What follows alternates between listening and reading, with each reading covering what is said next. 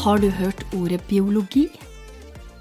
Biologi er læren om den levende naturen.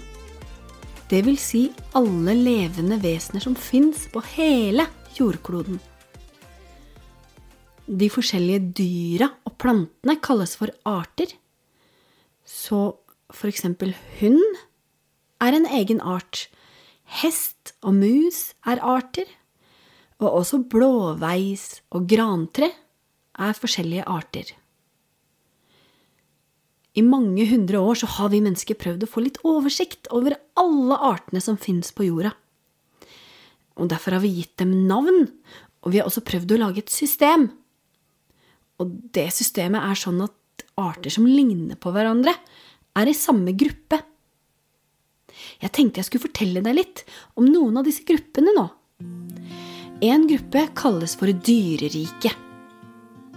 Det høres jo nesten ut som et sted hvor det er bare dyr som bor, men her sånn så bruker vi ordet rike nesten som gruppe. Og i denne gruppa, eller i dette riket, så hører alle dyrene til. Både pattedyr og insekter og fugler og dyr i vann. Ja, oss mennesker hører også til denne gruppa. En annen gruppe kalles for planteriket. Her hører plantene til. Visste du forresten at det er plantene som gjør at vi har luft vi kan puste i?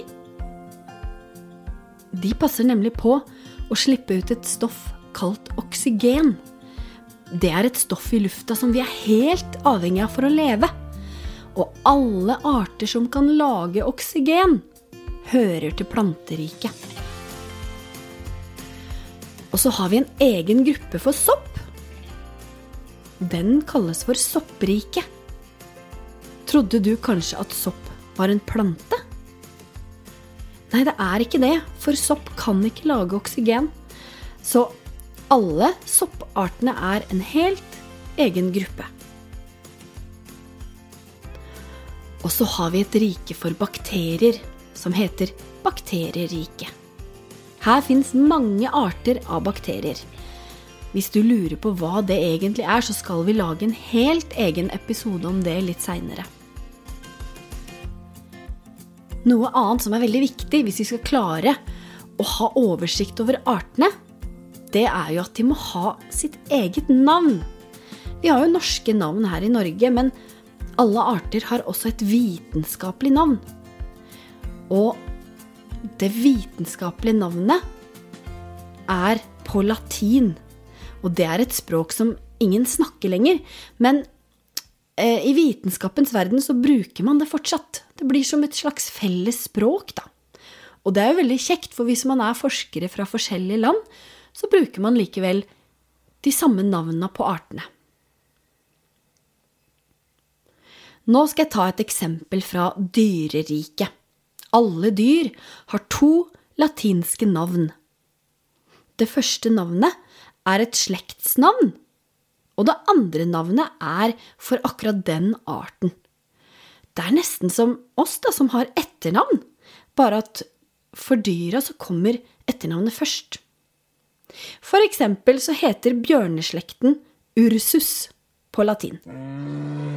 Så både isbjørn og brunbjørn her i Norge da, starter med ursus. Brunbjørnen heter ursus arctos, og isbjørnen heter Ursus maritimus. Det er jo ganske flotte navn, da. Se for deg at du møter en isbjørn. 'Halla, maritimus!' Men jeg håper ikke du møter en, for det kan være ganske farlig.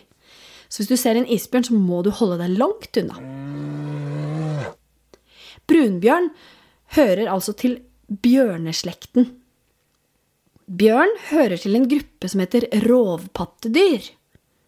Her hører også ulver til, og rever og jerv. Rovpattedyr er en gruppe som hører til pattedyr. Pattedyr tilhører en gruppe som heter ryggstrengdyr, og der finner vi også fugler og fisk og krypdyr. Og ryggstrengdyr hører til dyreriket.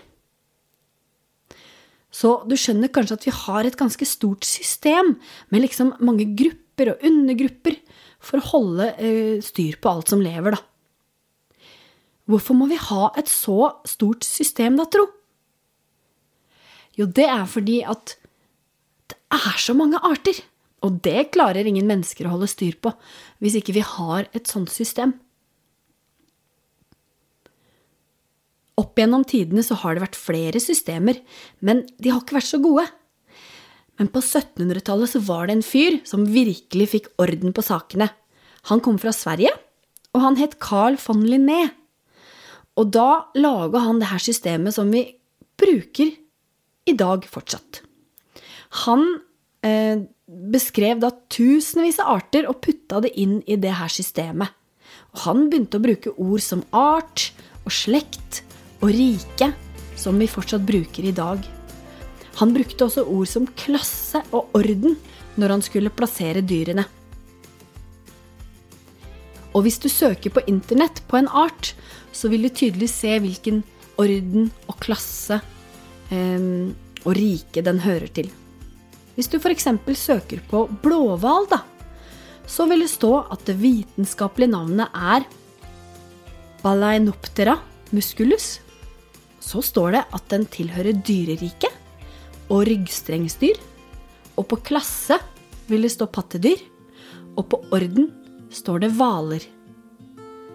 På denne måten så er det mye lettere å holde styr på alt. Og hvis du har lyst til å få enda mer oversikt over alle grupper og klasser og riker, så har vi en flott nettside som heter Artsdatabanken. Og da går du inn på artsdatabanken.no, så finner du oversikt over arter, pluss at du kan se en egen oversikt over det som fins her i Norge.